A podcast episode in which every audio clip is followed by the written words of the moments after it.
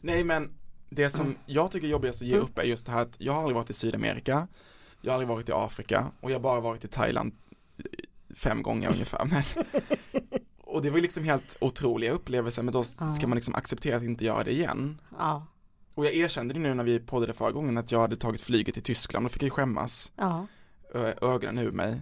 Men Ja. då hade jag varit tvungen också att avstå från det när mina kompisar frågade. ja. Att säga att nej men då följer inte jag med.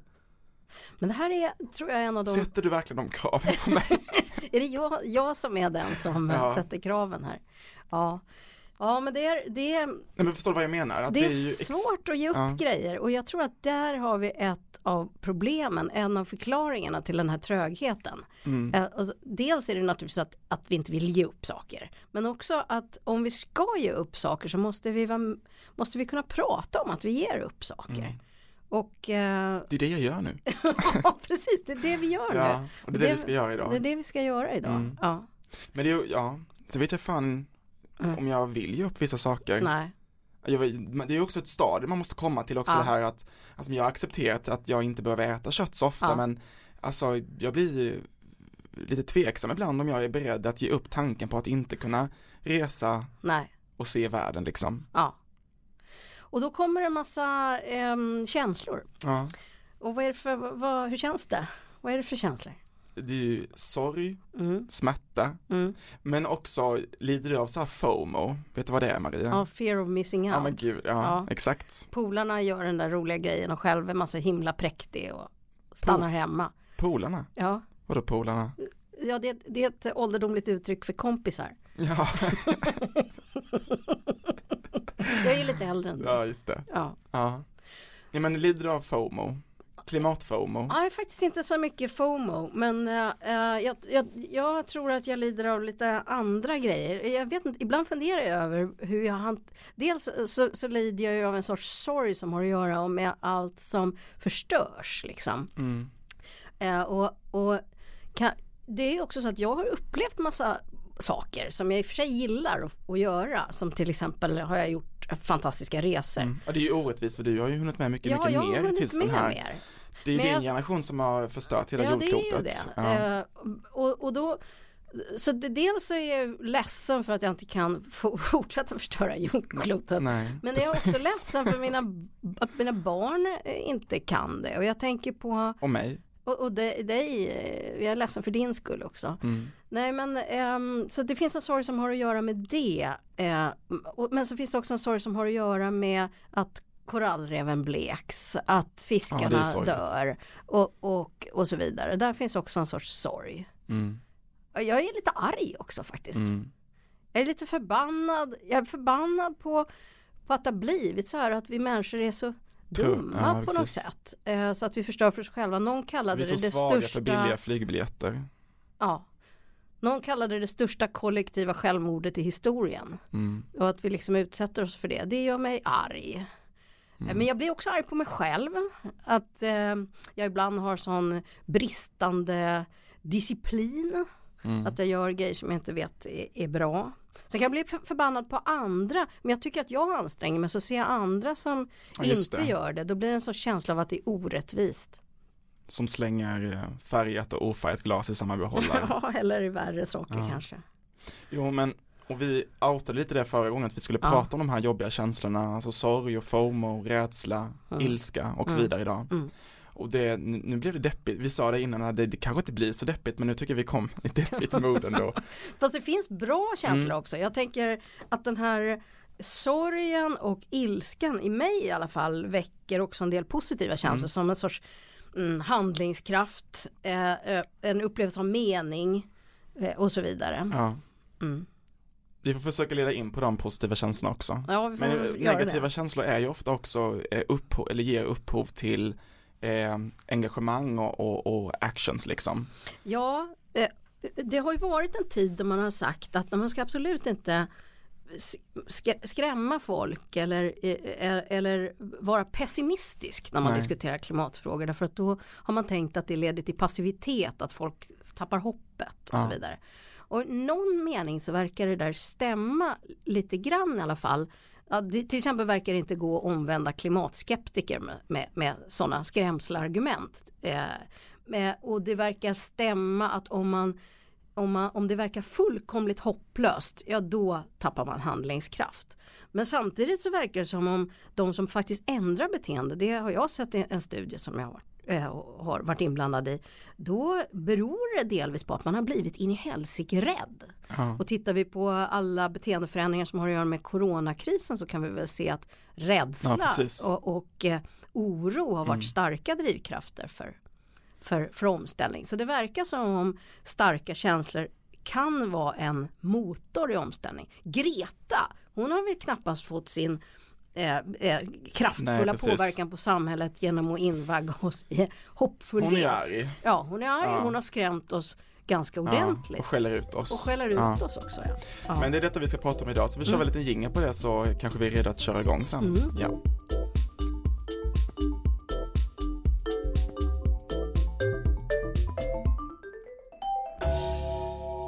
Och det är som vanligt Isak Janehäll som står här vid micken.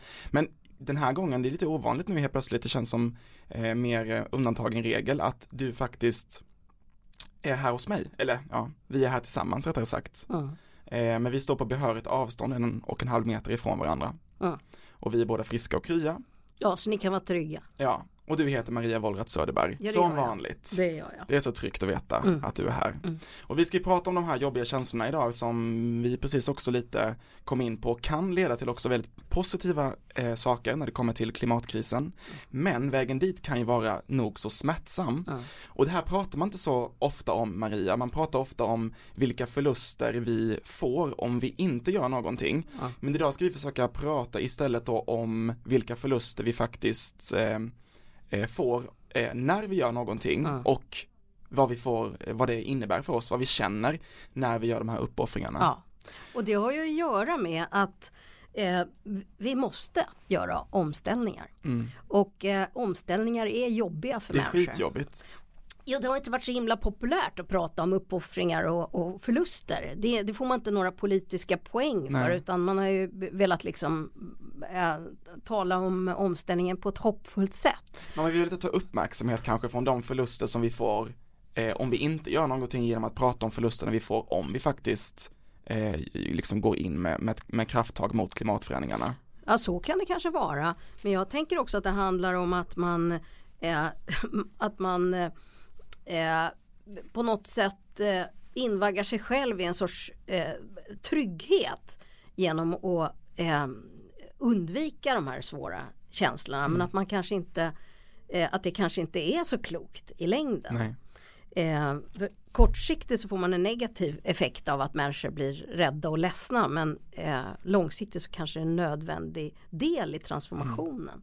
Man kan ju se att, att, att på den politiska debatten om det här att, att de argumenten som har använts kring omställning de har ofta handlat om att vi ska göra små små steg och, och, och då eh, ska det leda eh, eh, och då är det inte så jobbigt så det kan Nej, var och exakt. en av Det oss handlar göra. om att byta till LED-lampor och Ja. byta elbolag och Ja. eh, källsortera lite och sådär. Eller så har man pratat om att tekniken kommer att lösa Mm. problemen eh, eh, och teknisk utveckling.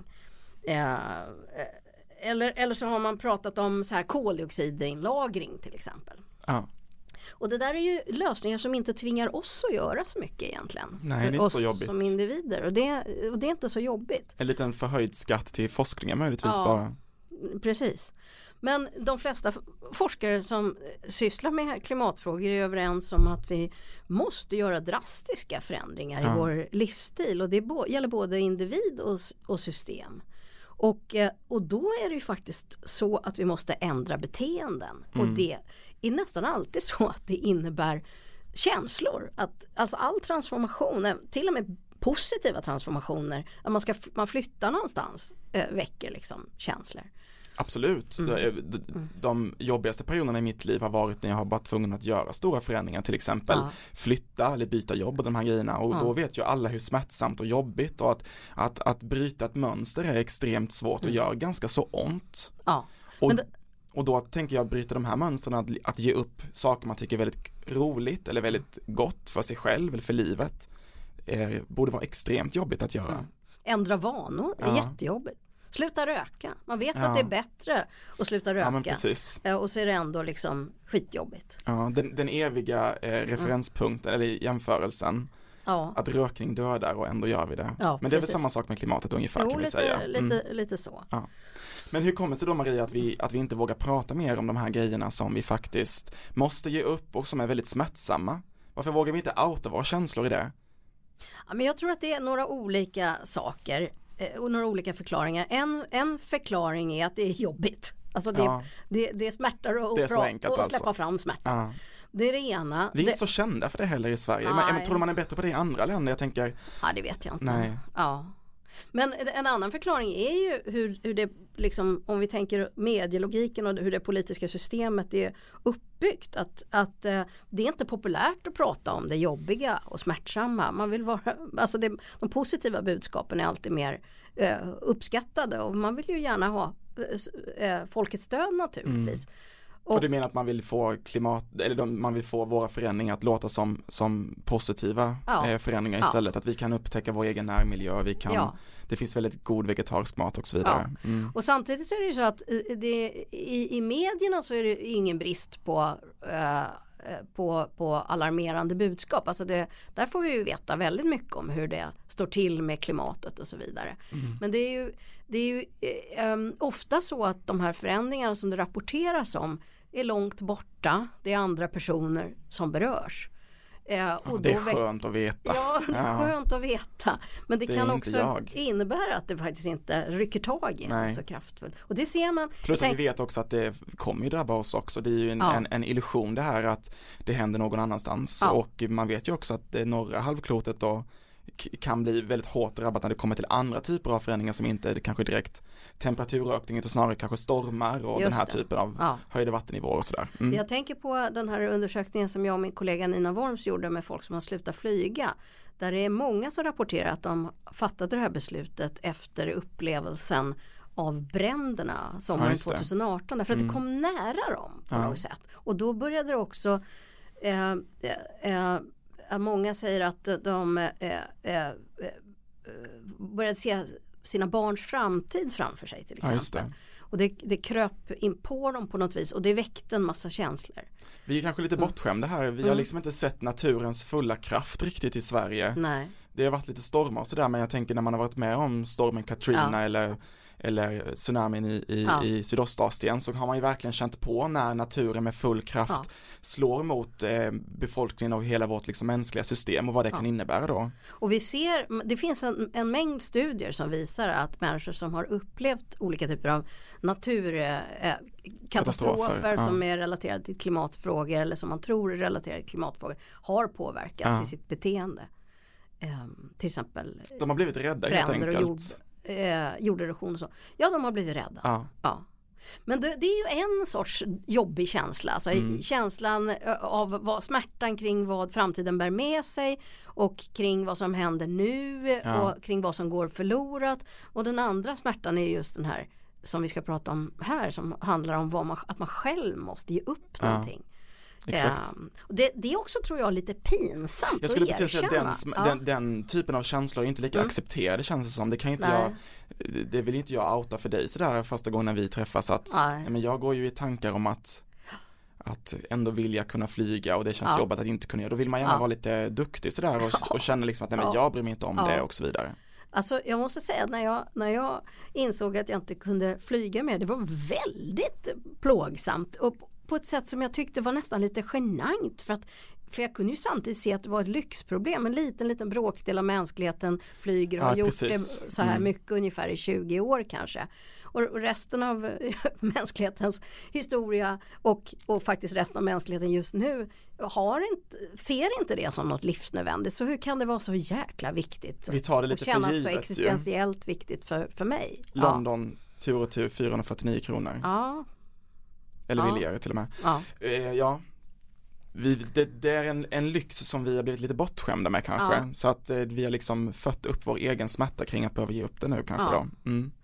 Men om, om, om det, som det ser ut så är det ju så att, eh, att det, vi helt enkelt måste göra sådana här uppoffringar. För Mm. ja, tekniken har hittills aldrig visat sig komma ikapp den ökade konsumtionen. Och vi har eh, eh, vissa saker kan ordnas på systemnivå. I ett annat program kommer vi prata om Mm. relationen mellan individ och system. Men systemet eh, kan inte göra några större förändringar om inte vi också börjar röra oss. Nej. Så Det att, måste gå hand i hand. ja, och en stor del av vår konsumtion är dessutom den privata konsumtionen. Mm. Eh, Så, att, så, att vi, så, så, så, så vi liksom helt enkelt måste gö- göra det. Och då kan man ju fråga sig om det nu är så att eh, som en del hypoteser säger att för att komma vidare till ett förändrat beteende så måste man ta hand om sådana här jobbiga känslor. Ungefär som att när någon eh, människa eh, i ens närhet eh, blir sjuk och Mm. är på väg att dö eh, så behöver vi också hantera sån sorg och smärta eh, så att vi eh, ko- kommer igenom det på ett sätt som, som, som, så att vi ändå kan ha ett meningsfullt liv. Är det samma mekanismer som väcks i, i liv i oss då? Med de, alltså, Ja, många gör ju sådana jämförelser och det kanske är lite olyckliga jämförelser med döden. ja, Därför att döden är så oundviklig och så på sätt och vis hopplös eftersom som, som vi alla dör till ja, slut. jag hoppas ju inte att livet efter eh, Ja. vår om, gröna omställning ska bli lika dyster som att dö. Nej, jag menar det. Så Ja. därför är det på sätt och vis en lite olycklig association. Men samtidigt så är det ju där den mesta sorgeforskningen finns. Mm. Ja, Alltså, Då klipper vi bort det helt enkelt. Så. inte riskera att Ja. någon drar den här sig. Ja, ja, ja, så att, men så jag att, förstår vad du menar. men man kanske kan få ut en del av forskning om, om sorg och förlust i alla Mm. fall. Eh, och, och då finns det en del em, teorier om, om, om det. Eh, har du varit med om någon stor förlust i ditt liv? Mm. Ja, eller det har man, det har väl alla, någon som har Dumpat den? Ja, nej, nej, det var inte det jag tänkte på men det är nästan, ja. Ja. Nej men man har ju äldre som har dött och sådär. ja. Ja. Mm. Och då, Men ja, nej, inte en sån här riktigt eh, stor förlust i Nej. vuxen ålder liksom att bli Ja. av med någon jättenära på det sättet. nej. Man brukar ju tala om att, det, att sorgen då, eller den här förlusten, man hanterar den i olika faser. Ja, just det. Kanske först någon typ av förnekelsefas Ja. eh, eller, och sen någon typ av förhandling och sen Ja. börjar man acceptera bit för bit och man det. vacklar fram och tillbaks. Och, Ja, nu känner jag igen det, dumpningsreferensen. Mm. och sen eh, kanske man börjar eh, eh, inte bara acceptera det kognitivt utan även känslomässigt och då kanske man kan börja upptäcka att det kan finnas ett liv även Just efter. Efter den här Mr X eh, som har lämnat den. Och om Mr X i det här fallet då Mm. är fantastiska resor och eh, Ja. blodigt rött kött Ja, så skulle man kunna säga att vi definitivt är i en eh, förnekningsfas. ja det skulle man kunna, kunna, Ja, kunna säga. Anta, ja. Och då, då har det ju visat sig att den här processen ändå Alltså på ett sätt verkar den oundviklig, man måste igenom den men det, det kan ändå ske mer, mer eller mindre fruktbart och Ja, just det. effektivt. och det som kan hjälpa är att man faktiskt kan få tillfälle att prata om det eller, eh, eh, och att det är socialt acceptabelt Mm. att sörja. Eh, eh, eh, och då, då, jag tänker på min mamma som eh, var med om en förlust därför att min far dog. Och, och, och då anmälde jag henne till en sorgegrupp som eh, Svenska Aha. kyrkan hade och hon tyckte varför ska jag ja. gå på det där? Ja. Eh, Men så visade det sig att det betyder ganska mycket trots allt att, Mm. eh, att för henne att träffa de här andra personerna som var i samma situation Just det. och kunna, kunna snacka om det. Det var faktiskt till och med så att hon när hon kom hem därifrån konstaterade att ja men jag har det ändå inte värst. Nej. För att Ja, eh, precis. vi hade ändå en liksom bra relation och allting var Ja. fint och det var inte en sån det var, det var, det, det var en, en värdig död och, och jag har Ja. ett nätverk och så vidare. Så, så att på något sätt så var det så att det där hjälpte henne att omorientera sig efter den här krisen. Det funkar väldigt bra det där att prata med andra, det är kanske det vi behöver göra. Det är bara jobbigt då om man är den som har det värst, för då har man Ja. liksom ingen att, Ja, att liksom jämföra sig neråt med. nej. Så den personen ligger ju liksom risigt till i det här Jo, det, klimatarbetet. det, det är sant fast även den kanske kan få hjälp i det här Okej, av ett sånt Det här finns hopp. socialt sammanhang. Jag tänker på eh, ehm, Rosemary Randall som har forskat om, om sorg eh, och som vi, du, både du och jag har läst en Mm, artikel ja, av, av henne. Hon, hon lyfter ehm, Hon, hon har erfarenhet av, av något som hon kallar för Carbon Conversation Groups. Mm. Och det är liksom grupper som, som, som träffas och är stödgrupper och, och på olika sätt äh, hjälper varandra genom den här äh, omställningen. Mm. Äh, och det förutsätter förstås att man vill vara med i en sån grupp för att det ska vara någon mening. Ja.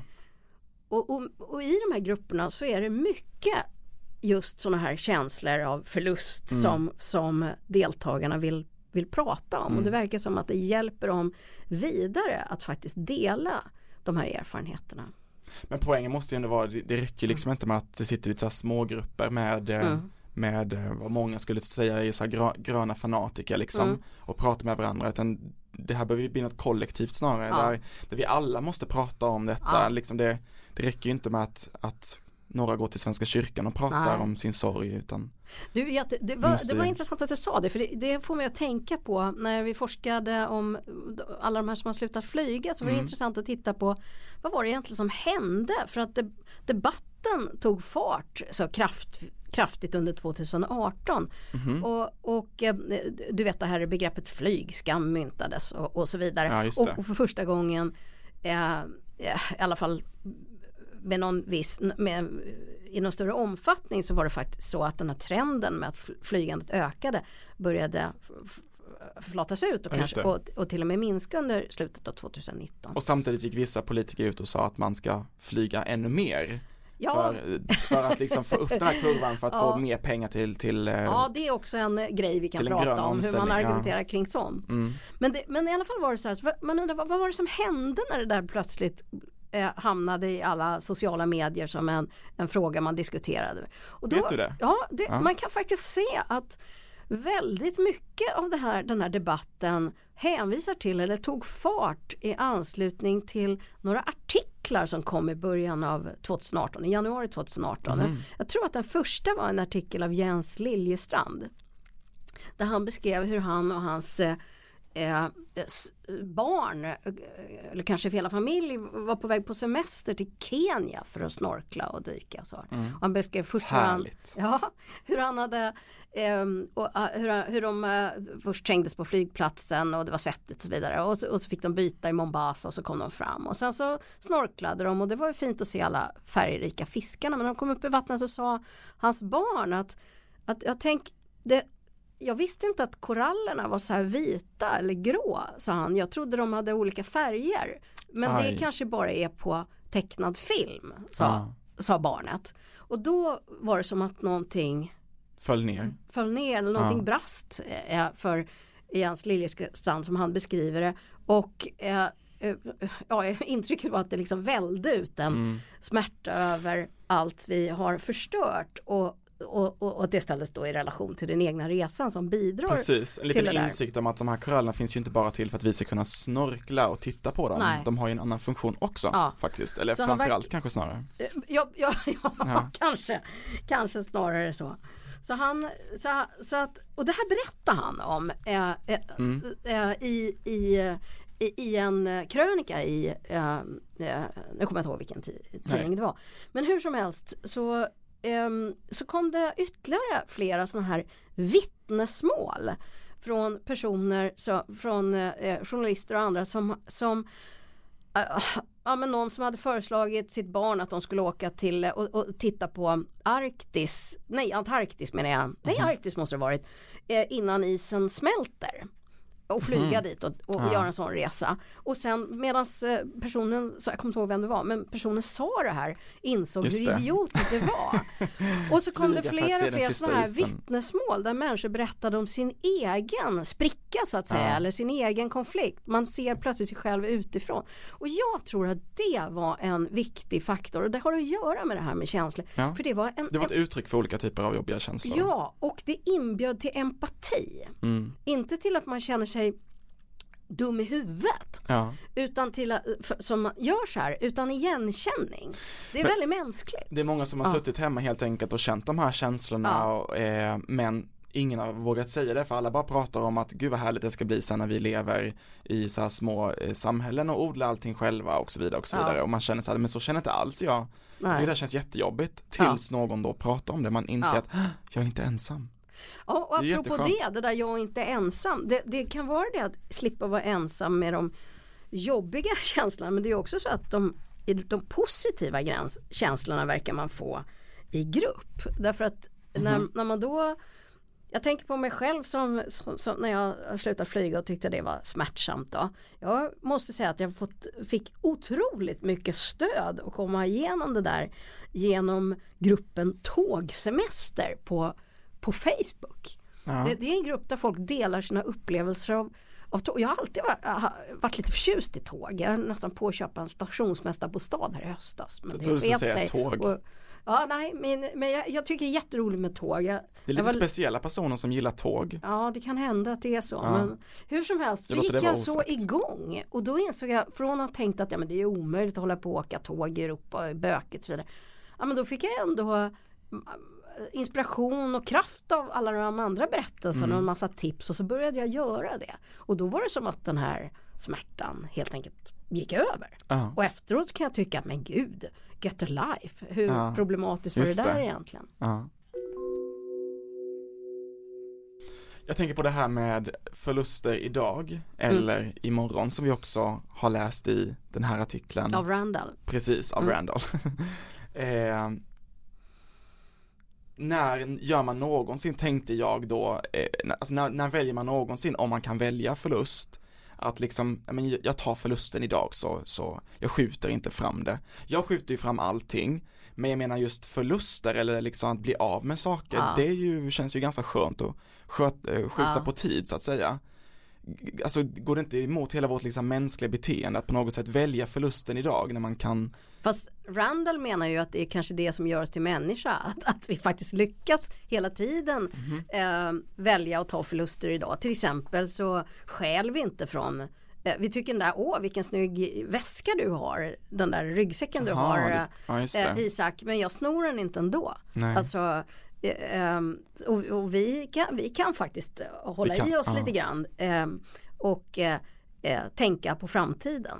Jag bara Eh, tänker att om man har en idé om att Mm. förlusten av klimatförändringarna i framtiden Mm. är lika jobbiga som förlusten av att inte flyga och allt detta idag så blir det lätt att man liksom tänker att då kan vi lika väl ta den förlusten då när det liksom det. i, i grevens tid kan vi sluta flyga liksom. men det intressanta är ju att eh, de förlusterna blir ju, det är ju så här, ju längre vi väntar desto större blir förlusterna. Jo, Eh, men då måste ju folk eh, Ja, förstå det, eller det är lätt att, Ja. att känna ändå att, att jag inte kan flyga idag Ja. är så jobbigt. fast det är intressant för att eh, vi, vi är faktiskt rätt vana vid att tänka i de banorna när det gäller till exempel försäkringar. Har du försäkring av något slag? Eh, ja, Ja, kanske en hemförsäkring. jag har, har ingen tandförsäkring och det fick jag, ja, fick det- jag uppleva när jag var hos Just tandläkaren det, det är sant. Mm. Ja. Men de flesta av oss har ju, någon, har ju lite försäkringar. Det är Mm. otroligt liten sannolikhet att det händer någonting Ja. allvarligt så att vi kan komma att behöva använda dem. Ändå så Säg det de till min tandläkare. Ändå så har vi i allmänhet inget problem med att tycka att det är rimligt att ha försäkringar. Nej, så det här med att vi tänker på framtiden och är beredda att avstå någonting nu Mm. för att få någonting bättre sen. Eller till och med även om det bara är en liten, liten risk så är Ja, vi vana det. vid det. Men, vi, men det är svårt när det gäller klimatfrågor tydligen.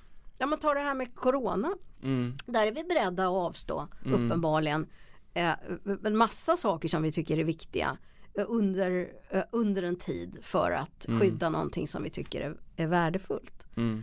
Och, och en massa människor gör ju det här. Så att det, det är ju, oh, vi pratar nu, det här programmet heter klimatgap Mm. och då fokuserar vi kanske mycket på den här glappet förstås mellan handling och, och, och görande och på det vi inte gör. Men det är ju väldigt många människor som faktiskt ändrar beteende Ja. och, och många av dem har då så att säga tagit den här förlusten, eh, sett den i vitögat, plågats av den och ändå gjort det. Du har högre tro mänskligheten helt enkelt, att vi, jag, jag är lite mer pessimistisk och tänker att vi är så lite, lite mer eh, orationella liksom. Och, och, och att det blir lätt att vi skjuter de här jobbiga sakerna på Ja. tid och då kommer ju resultatet av det bli betydligt värre än om vi bara gör det nu. Som med mycket annat, som när jag skjuter Ja. min tenta på tid, det blir mycket, mycket värre. Ja. Alltså så tänker jag att vi, att vi tänker i klimatfrågan jag vet också. inte om det är en fråga om tro, delvis är det en fråga om vetande alltså eftersom vi, vi faktiskt vet att en massa människor ändrar beteende och, och jag har ju studerat just folk som ändrar beteende och för dem är det ju ofta en samvetsfråga. Eh, och, och, men de har, du sa så här att ja, de tror på att folk är mer rationella. På sätt och vis är det ju kanske inte så att de är mer rationella. Snarare verkar det vara gemensamt för dem som ändrar beteende att de just ser de här känslorna i vitögat. Mm. Så det är inte bara en fråga om rationalitet utan Nej. en fråga också om, om, om, om äh, känslo, käns att känslolivet är med i det hela. Just det, mm. därav det här avsnittet. Ja. ja. Men om man då ska gå över lite mer till de här jobbiga känslorna mm. vad de kan resultera i liksom i andra änden sen mm. istället. Alltså vad, vad kan vi liksom få för, för payoff av att känna de här jobbiga känslorna? Ja. ja. För ja. det är ju rädsla har vi pratat lite om men ja. det handlar framförallt om sorg och FOMO och ja. eh, liksom att acceptera att ge upp de här roliga, goda, härliga grejerna med livet. Ja, alltså. Man vill ju gärna ha någonting, någonting tillbaka liksom. Ja, precis det vill man ju. Och eh, det finns en forskare som heter William Warden som, som håller på med sorgterapi. Mm. Och han, han, han beskriver som att det är ett antal uppgifter som man måste hantera eh, om man ska liksom komma vidare och sorgen ska bli en konstruktiv eller meningsfull kraft liksom på något okay. sätt. Och egentligen så, så, så, är man ju aldrig klar med det. Eh, men man kan ändå blomma igen så att säga. Mm. Och ofta går det framåt men ibland går det bakåt. Ibland måste man göra omtag. Det är ungefär som, som om man försöker eh, börja träna eller no, no, ja. någonting sånt. Va? Men det hjälper om man har en stödjande omgivning och om man kan prata med mm. andra om det. Och kanske också om man känner igen de här olika ah, work packagerna i, i det här arbetet. Alltså de här olika arbets eh, delarna i den här processen. Just det. Mm. Eh, och, och, det första är ju då att acceptera att förlusten är verklig. Ja, har jag ens kommit dit? Tänkte ja. jag, det var det jag var lite pratade om i början. Ja, och först kanske man måste acceptera det intellektuellt och ja, sen emotionellt. Och då, och då gäller det att komma ihåg att det, där går, det går inte på ett ögonblick. Ibland så tänker vi att ja, men man ska, man är, eh, klim, inom klimatkommunikation, man informerar folk om allvaret i klimatproblemen och så tänker man att de ska ändra direkt. Men folk, mm. folk gör inte det direkt, det tar tid. Ja. Och att ändra beteende tar tid, att ta emot och hantera de här känslorna tar tid och det måste finnas rätt, vara rätt kontext. Eh, Eh, ett exempel var den här eh, kvinnan vars make, som du också läste om, vars make dog i en, i en bilolycka. Mm. Eh, och, och, först så var hennes reaktion, men han sover bara och titta vad vacker han är. Eh, och vad lugn och fridfull han ser ut. Eh, och inte förrän efter ett par timmar när hennes mamma hade lyckats ta sig till henne, då kunde hon bryta ihop. Ja. Och acceptera att det här hade, och det var ju när det rätta sammanhanget Precis. fanns. Och det var en trygg, en trygg uh, miljö. Ja. Men när och vi väl har accepterat det, vad, vad händer sen? Ja men då måste man jobba sig igenom de här svåra känslorna. Det kan vara vanmakt, rädsla, ilska, skuld, mm. skam, sorg, förtvivlan, ja. Eh, förvirring. Där vill man inte vara länge. Nej. Och det är det att man inte vill det men man kanske ändå måste, måste. säga ja mm. till dem. Jag tänker på min min dotter som, som när hon var liten som eh, ja, var jätterädd när hon skulle sjunga eller om hon skulle framföra en liten dikt eller någonting. Hon var bara några år på Lucia. Ja. Och sa jag till henne, men du måste inte göra det här. Jo, sa hon, men jag, jag säger hej till rädslan, sa hon. det är ett bra sätt, det är som att tänka så här, ja, det här är spöke i garderoben. Vi mm. öppnar mm. garderoben, drar ut spöket och tittar på det i dagsljus, luftar det. Precis. Då blir det inte lika farligt Nej. liksom. Så det kanske är den absolut viktigaste delen detta då, att befinna sig där i. Ja, med de jobbiga och prata känslorna. om det och, och, och, som sagt något sorts socialt eh, sammanhang där det är okej. Okay. Eh, Rosemary Randall som gjorde de här Carbon Conversation Groups, hon berättar om hur, hur, hur hon har varit med om att deltagare berättar för varandra om härliga måltider och fantastiska resor och liksom nästan vältrar sig nostalgiskt i de här minnena och och, och, går all in i att sör, sörja att det är, ja, det. Är, är, att, det, att det är någonting som de inte kommer kanske göra på samma sätt mm. igen. Och, och, och, hypotesen är att om vi inte tar, igenom, tar oss igenom de här känslorna, ja men då riskerar vi att stänga av liksom, eller fastna i någon sorts idealisering av det som har varit utan ja. att komma, komma vidare. Ja, och så nästa steg skulle vara på något vis att anpassa sig till de nya omständigheterna, prova att leva på nya sätt och då blir det intressant med, Mm. med inspirerande exempel på hur man kan då äta eller le, eh, konsumera eller leva Just eller det. resa på, på andra En vis. återuppbyggnad liksom där Ja. på något sätt av sitt liv igen. Ja. Mm. För mig betyder det mycket, apropå vi pratar mycket om det här med att sluta flyga eftersom jag har forskat om det. Men, men eh, det betyder otroligt mycket att eh, några resor i Sverige som jag gjorde. Den ena var att jag åkte runt på, på, på Öland och jag har aldrig varit på Öland. Och så, och så, så, så fantastiskt liksom. Och så, samma sak i Ångermanland. Och så tänker jag så här, men är jag dum i huvudet? Som, inte- aldrig har sett som Ångermanland. aldrig har sett Ångermanland. Alltså med sina räfflade landskap och Har du varit i Blekinge då? Ja det har jag Sveriges faktiskt. trädgård. Ja, ja, men du ser, jag har en massa Ja. godsaker kvar. Ja. Och då, det var faktiskt så att det gjorde det hela mindre smärtsamt. Ja. Och det tredje, det fjärde menar jag, Mm. Ja. steget skulle då vara enligt den här eh, Wardens teori. Det är, det är då man liksom får ny känslomässig energi. Just det. Då och då man får man rum för nya engagemang och passioner och Ja. Mening och, och då kan man prata om det här som man har förlorat men med lite vemod kanske och, och, och till och med kanske skämta om det och, eh, eh, och, och, så. Det som jag, Men mina- också väl Ja. liksom embracea d- nya härliga känslor mot det man har nu istället ja, tänker jag. Nu, Precis. nu har vi inte Maldiverna men vi har Ångermanland. Ja. Ja. ja, precis. Hade någon sagt det till mig eh, för, för, för, för liksom tio år sedan då hade jag tyckt Då hade du pekat ja, finger och tänkt. pekat ja, finger. ja. Eh, Men, men det betyder faktiskt Men nu har någonting du ju för varit mig. i Ångermanland så nu vet ju du hur fantastiskt det också kan vara.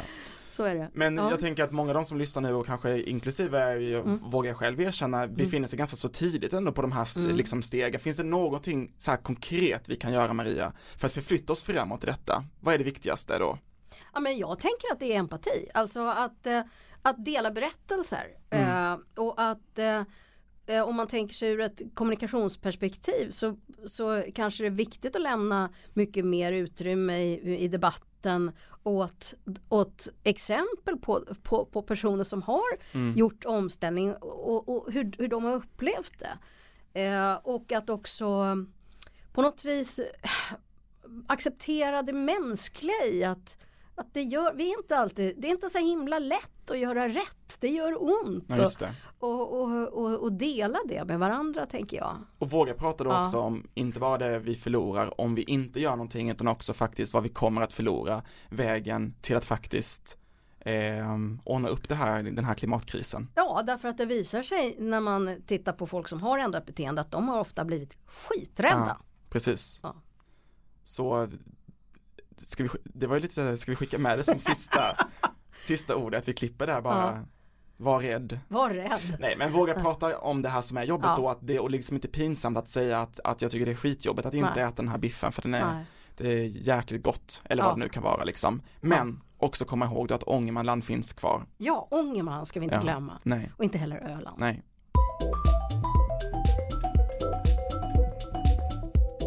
Klimatgap producerades av Södertörns högskola. Exekutiv producent var Emelie Smedslund och tekniker och producent var Ulf Larsson.